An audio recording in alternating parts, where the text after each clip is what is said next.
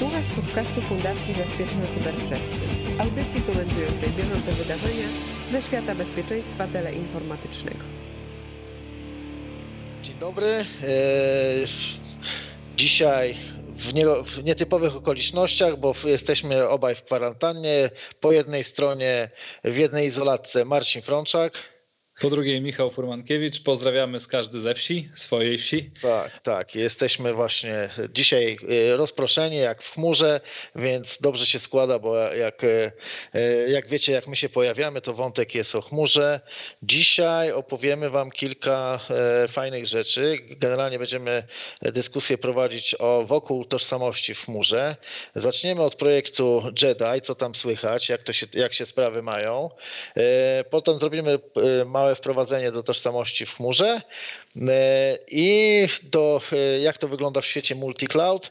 Opowiemy Wam, jakie są takie podstawowe zagrożenia i ewentualne odpowiedzi na te e, ryzyka. I takich na koniec pięć porad, jak w ogóle się z tym zmierzyć i się nie przewrócić. No dobra, czyli projekt Jedi. Michał, masz jakieś wieści z frontu, jak tam Microsoft sobie radzi, jak AWS yy, naciska? Właśnie, ciekawa, ciekawa rzecz. Po pierwsze, Microsoft e, bardzo dużo pozycji ogłosił w związku z tym projektem e, i to było ciekawe, bo ogłosił pozycje związane z osobami, które mają, znają technologię, ale mają też clearance, clearance pozwalający na pracę z danymi w sektorze, w sektorze tam tajnym, w sektorze e, zbrojeniowym amerykańskim. No i kiedy rozpoczęli już to, tą rekrutację, bo mieli rozpocząć projekt, to w lutym sędzia któregoś sądu, przepraszam, nie pamiętam szczegółów, ogłosił, że do czasu rozpatrzenia mm, e, skargi Amazona należy pracę wstrzymać, nie można tego, tego projektu rozpocząć, co jest e, pewnym wyłomem, dlatego że w prawie amerykańskim można rozstrzygnąć zapytanie przetargowe, rozpocząć projekt, a potencjalne skargi jednego z oferentów rozpatrywać w trakcie realizacji projektu i potem ewentualnie decyzję zmienić. Tutaj ze względu na pewnie skalę, no i e, jakby pewien wrażliwość tego projektu dla, dla w ogóle całego rządu amerykańskiego, zdecydowano się na zatrzymanie projektu, projektu. Sprawa będzie rozpatrywana, no i zobaczymy, co dalej. Nie ma chyba rozstrzygnięcia tej sprawy jeszcze. Znaczy, na pewno ja nie słyszałem, żeby było rozstrzygnięcie tej sprawy. Także spora zmiana.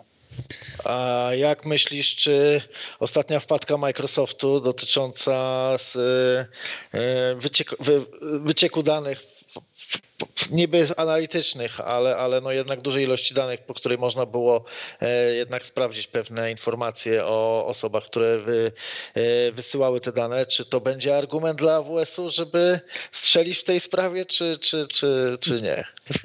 Nie wiem, oczywiście, że nie wiem, natomiast też powiedzmy sobie, na czym polegał incydent, bo to też myślę, że ważne. Tak? E, incydent polegał, słuchajcie, w skrócie na tym, że support Microsoftu, który zapisywał case'y klientów, używał jakichś maszyn wirtualnych w chmurze, na których trzymał informacje o tych case'ach supportowych. No inżynier, który to wdrażał, nie zabezpieczył tych serwerów. One były nie tyle wystawione na świat, co dużo łatwiej po portach i protokołach było do tych serwerów się dobijać. No i tak pociekły dane, bo komuś się skutecznie udało dobić. Ja zawsze powtarzam, że nawet jeżeli inżynier Microsoftu nie umie skonfigurować sobie chmury Microsoftu, no to to już niekoniecznie jest wina samego Microsoftu, nawet jeżeli ten inżynier tam, tam pracuje. Wstyd, okej, okay ale to pewnie nie, nie, trochę, trochę bardziej dla samego tego e, inżyniera. Natomiast słuchajcie, a propos takich wstydów i takich e, sytuacji, to wprowadzając trochę w nasz temat, przejmę Marcin na chwilę twoją rolę, bo tutaj słuchajcie, y, największe firmy doradcze, które doradzają w tych cloudach, same mają problemy z tym, z tą nie tylko tożsamością, ale też z tym zabezpieczeniem danych. I ty Marcin masz case jednej z firmy, to opowiedz, bo to też ciekawe. E tak, no ja mam, ja mam case y, firmy z Wielkiej Czwórki, tutaj specjalnie nie będziemy mówić jakiej. Eee, też błąd ludzki, tak? E, I źle, źle zabezpieczone hasło e, administracyjne, e, w zasadzie no, tylko jednoskładnikowe, wystarczyło do tego, żeby zostało przejęte zasoby w chmurze, a, a, a firmy doradcze, jak sam powiedziałeś, są jednym z największych konsumentów teraz tych usług chmurowych. No i dzięki temu tam napastnik, który przejął te hasła, to długo buszował, zanim się e, w ogóle zorientowali, że, że, że, że e, mają kogoś w środku. E, no i tam ponad dane ponad 200 tysięcy bodajże pracowników tej firmy no, były możliwe do tego, żeby ktoś miał do nich dostęp. No, to mhm. też pokazuje właśnie, że po pierwsze błąd ludzki, a po drugie no, użycie jednoskładnikowego uwierzytelnienia pozwoliło na to. To ja mam inny case, ale też z tego obszaru, też wielka czwórka, też duży konsument cloudu i sytuacja jeszcze prostsza chyba. Wystawione konto storage'owe, które było wystawione po publicznych, znaczy bez, bez zabezpieczeń. Kontener był publiczny, czy też bucket, bo w zależności od dostawcy cloudowego. I teraz było gorzej, bo na tym koncie był rodzaj pliku, czy plików, w których było ponad 400 tysięcy kont, ale nie tego dostawcy, tylko klientów.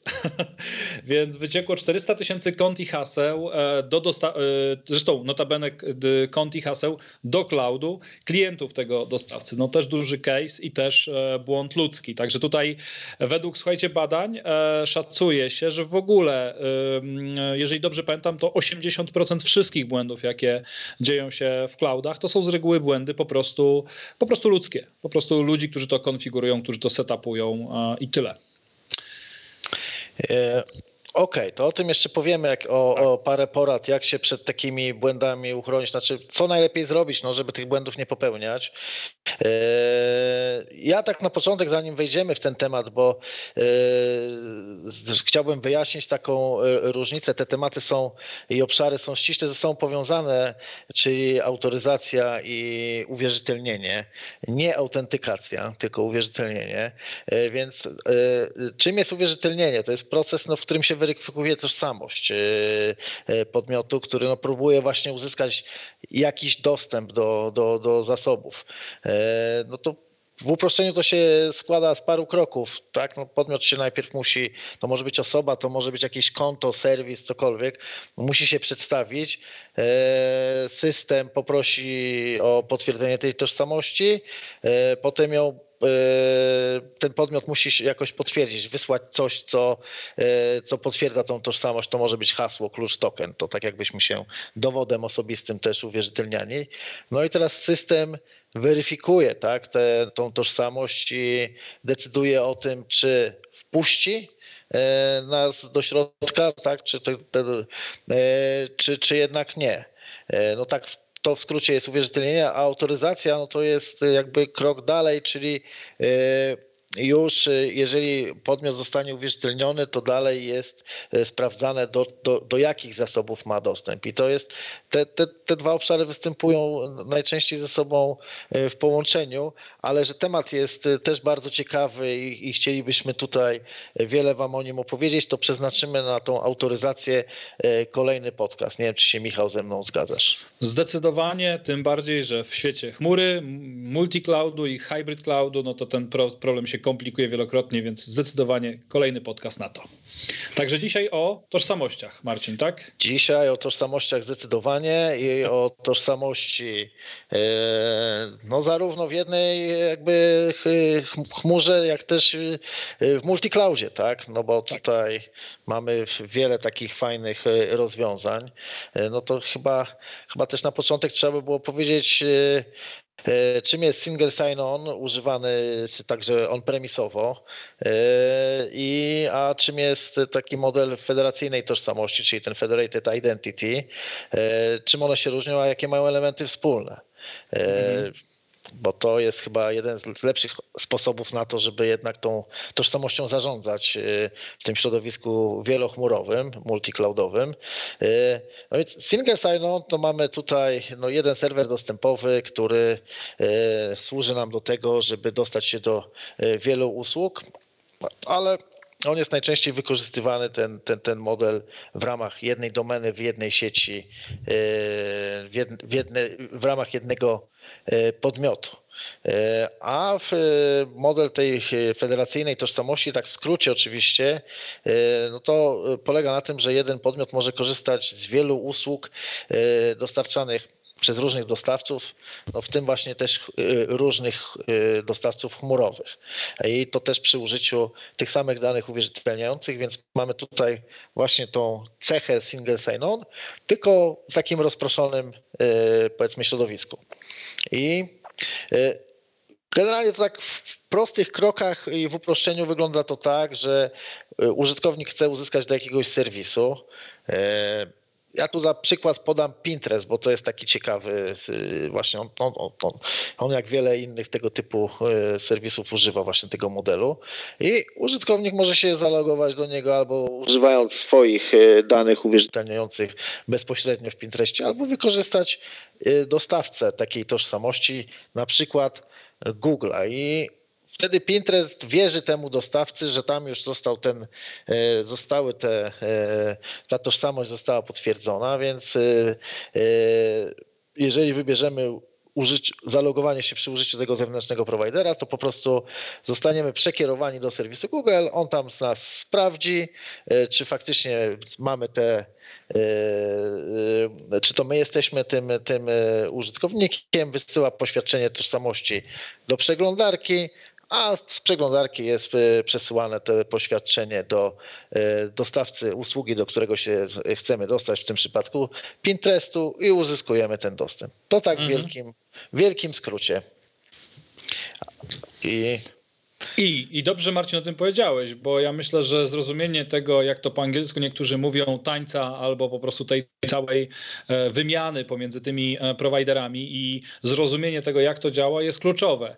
E, jeszcze kilka lat temu, kiedy, kiedy takie systemy były, mam wrażenie, trochę mniej popularne, deweloperzy, którzy programowali ten aspekt, no często czuli się zagubieni nieco, bo tych, kompo, tych, tych, tych pojęć było całkiem sporo. Pojawił się jakiś STS, jakiś, jakiś provider, prawda, i tak dalej. Myślę, że dzisiaj w świecie cloudowym to bezwzględnie każdy musi rozumieć, jak, ta, jak ten proces sobie działa. Tym bardziej, że żyjemy w świecie coraz bardziej hybrydowym, tak? W świecie, który jest coraz bardziej, mm, e, który wykorzystuje różne technologie różnych dostawców, ale, ale działa jako jeden jakiś tam mechanizm.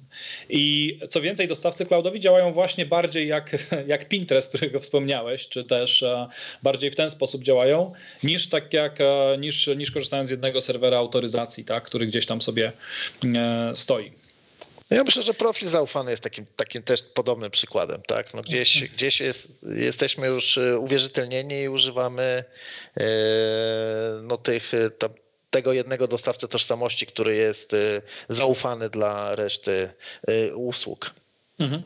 Natomiast tutaj słuchajcie, może Marcin, opowiedzmy dwa słowa o tym, jak ta tożsamość w tym świecie chmurowym wygląda, prawda? Bo, bo to jest jakby istotne, już mając tą, to twoje rozróżnienia a propos uwierzytelnienia i autoryzacji, mając to rozróżnienia a propos SSO i federacji, to dwa słowa o tym, jak to wygląda w cloudzie. Dobra?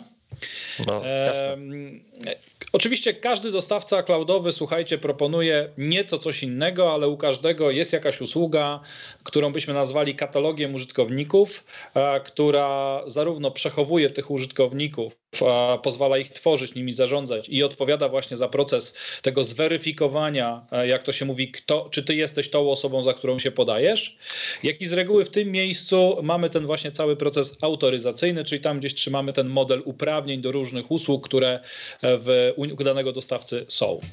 I każdy dostawca, też warto to powiedzieć, niezależnie jak on się nazywa, z reguły oferując taki katalog tożsamości, wykorzystuje jakieś protokoły uwierzytelniania, które są, działają w internecie. No bo siłą rzeczy dostawca chmury publicznej nie może wykorzystywać takich rozwiązań, które działają w waszym środowisku on-premises.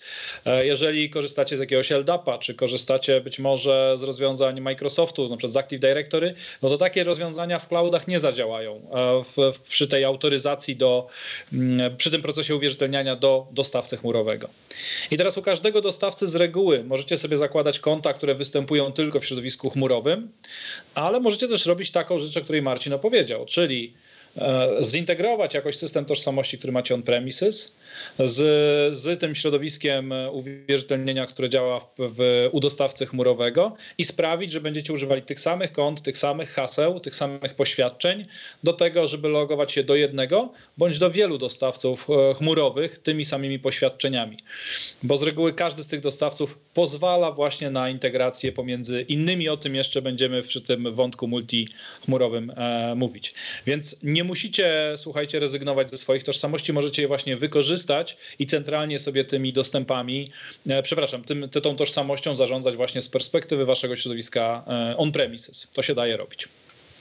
Tak, no i to jest na pewno e, coś, co ułatwia właśnie zarządzanie tym bezpieczeństwem, no bo to mamy jeden punkt, którym musimy zarządzać i tak naprawdę jeden punkt, który powinniśmy zabezpieczać.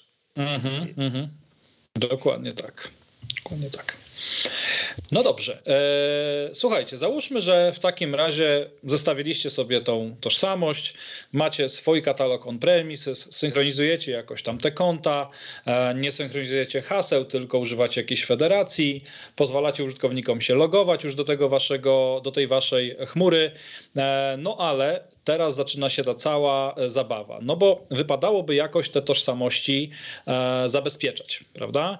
No i teraz tutaj macie całą plejadę rozwiązań wokół zabezpieczenia tej tożsamości. I ja bym zaczął, Marcin, od pierwszej najważniejszej rzeczy, od silnych haseł, prawda? Tak, zgadza się, to jest e, elementarz, tak? W zasadzie tak. zabezpieczenia hasła. Niby rzecz trywialna, ale jak pokazują różne jednak przypadki, dość często jeszcze wykorzystywana przez atakujących. To jest pierwsze, co oni sobie sprawdzą, to jak, e, jak trywialne są hasła e, zabezpieczające właśnie nasze dane. Dokładnie. E, I słuchajcie, na pewno wszelkiego rodzaju hasła słownikowe, hasła krótkie to jest coś, co powinniście od razu sobie e, wyrzucić do kosza, jeżeli chodzi o Wasze pomysły na tożsamość. E, ja często prowadzę różnego rodzaju warsztaty, rozdaję wiele kont i haseł, ustawiam często jakieś hasło inicjalne, żeby użytkownik je sobie ustawił. Klasyką jest to, że po każdych warsztatach mam zawsze zarejestrowany incydent bezpieczeństwa, polegający na tym, że ktoś próbował przejąć tą tożsamość i ktoś próbował ją atakować. Ostatnio u jednego też był e, pomysł na atakowanie tożsamości i wyobraźcie sobie, że e, na jakim koncie atakujący znalazł sobie e, dobry przyczółek? Na koncie, które nazywało się Xerox. Z całym szacunkiem do Xeroxa oczywiście. No, to jest ten case tam z 2017 roku w Niemczech, jak e, student jakiś używał haseł 1, 2, 3, 4 i I love you e, i tak naprawdę poprzejmował konta różnych polityków i prawników i się zrobił z tego wielki skandal e, obyczajowy w Niemczech.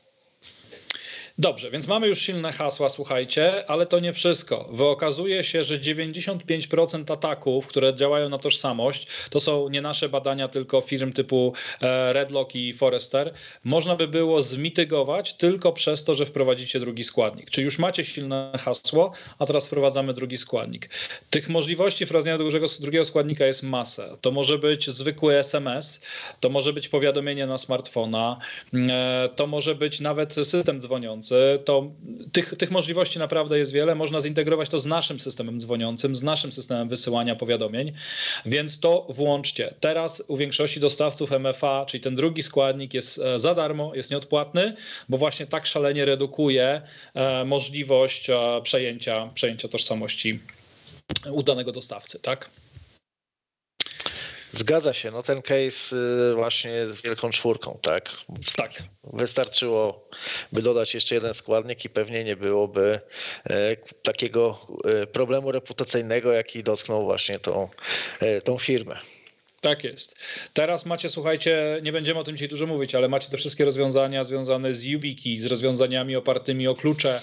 Tutaj też jest cały szereg rozwiązań, bo jeszcze moglibyśmy zapytać się, no dobrze, mam silne hasło, mam drugi składnik, jak ja powinienem zabezpieczyć albo czego powinienem oczekiwać od stacji czy od urządzenia, z którego ja się loguję? Czy mogę logować się z dowolnego urządzenia, z dowolnej sieci, czy jednak to urządzenie musi spełniać pewien standard, musi być gdzieś zarejestrowane, musi mieć certyfikat, być może to logowanie musi się odbywać w odpowiednich porach, na przykład, albo musi być, odbywać się dla odpowiedniego konta, więc znowu cała, cały szereg różnego rodzaju rozwiązań, które w normalnym świecie on-premise stosunkowo trudno wdrożyć, a tu wdrożyć jest stosunkowo łatwo, bo przepraszam za wyrażenie, ale de facto zaznaczacie kolejne checkpointy na liście funkcjonalnym u swojego dostawcy, dostawcy tożsamości w cloudzie.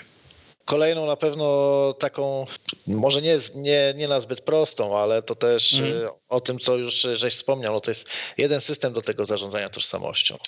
To już e, no to jest też coś, co pozwoli nam po prostu operacyjnie mieć możliwość, żeby tym zarządzać, a nie robić to w kilku rozproszonych systemach i, i, i, i żeby w jednym miejscu tak naprawdę pamiętać o chociażby, no nie wiem, usuwaniu tych kont i, i wtedy do wielu serwisów już ta osoba czy tam serwis, konto nie będzie miało dostępu, niż szukać teraz, gdzie ta osoba miała, gdzie ten użytkownik miał dostęp i tam go blokować. Tak, i tutaj e, Marcin podniósł kolejną ważną rzecz. Słuchajcie, e, w małych firmach to często obserwuję.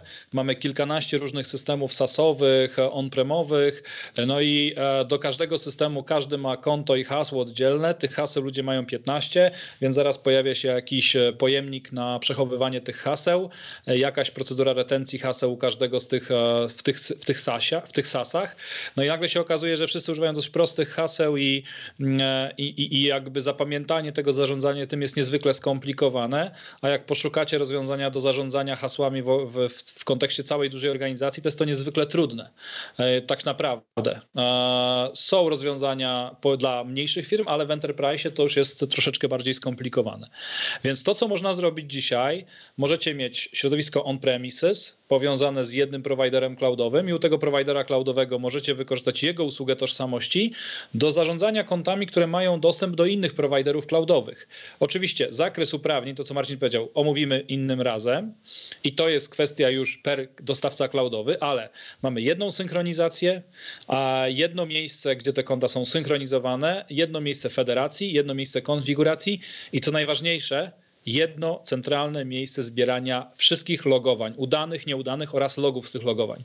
Bo co z tego, że wy sobie zsynchronizujecie trzy, trzech dostawców cloudowych w oparciu o, wasze, o waszą lokalny, lokalnego dostawcę tożsamości, jak każdy z nich będzie miał wycinek problemu, wycinek logów z procesu logowania. Jak to będziecie mieli w jednym miejscu, dopiero będziecie mogli rzeczywiście z tych danych wyciągnąć jakiś wniosek o tym, czy ktoś przez przypadek was już nie atakuje.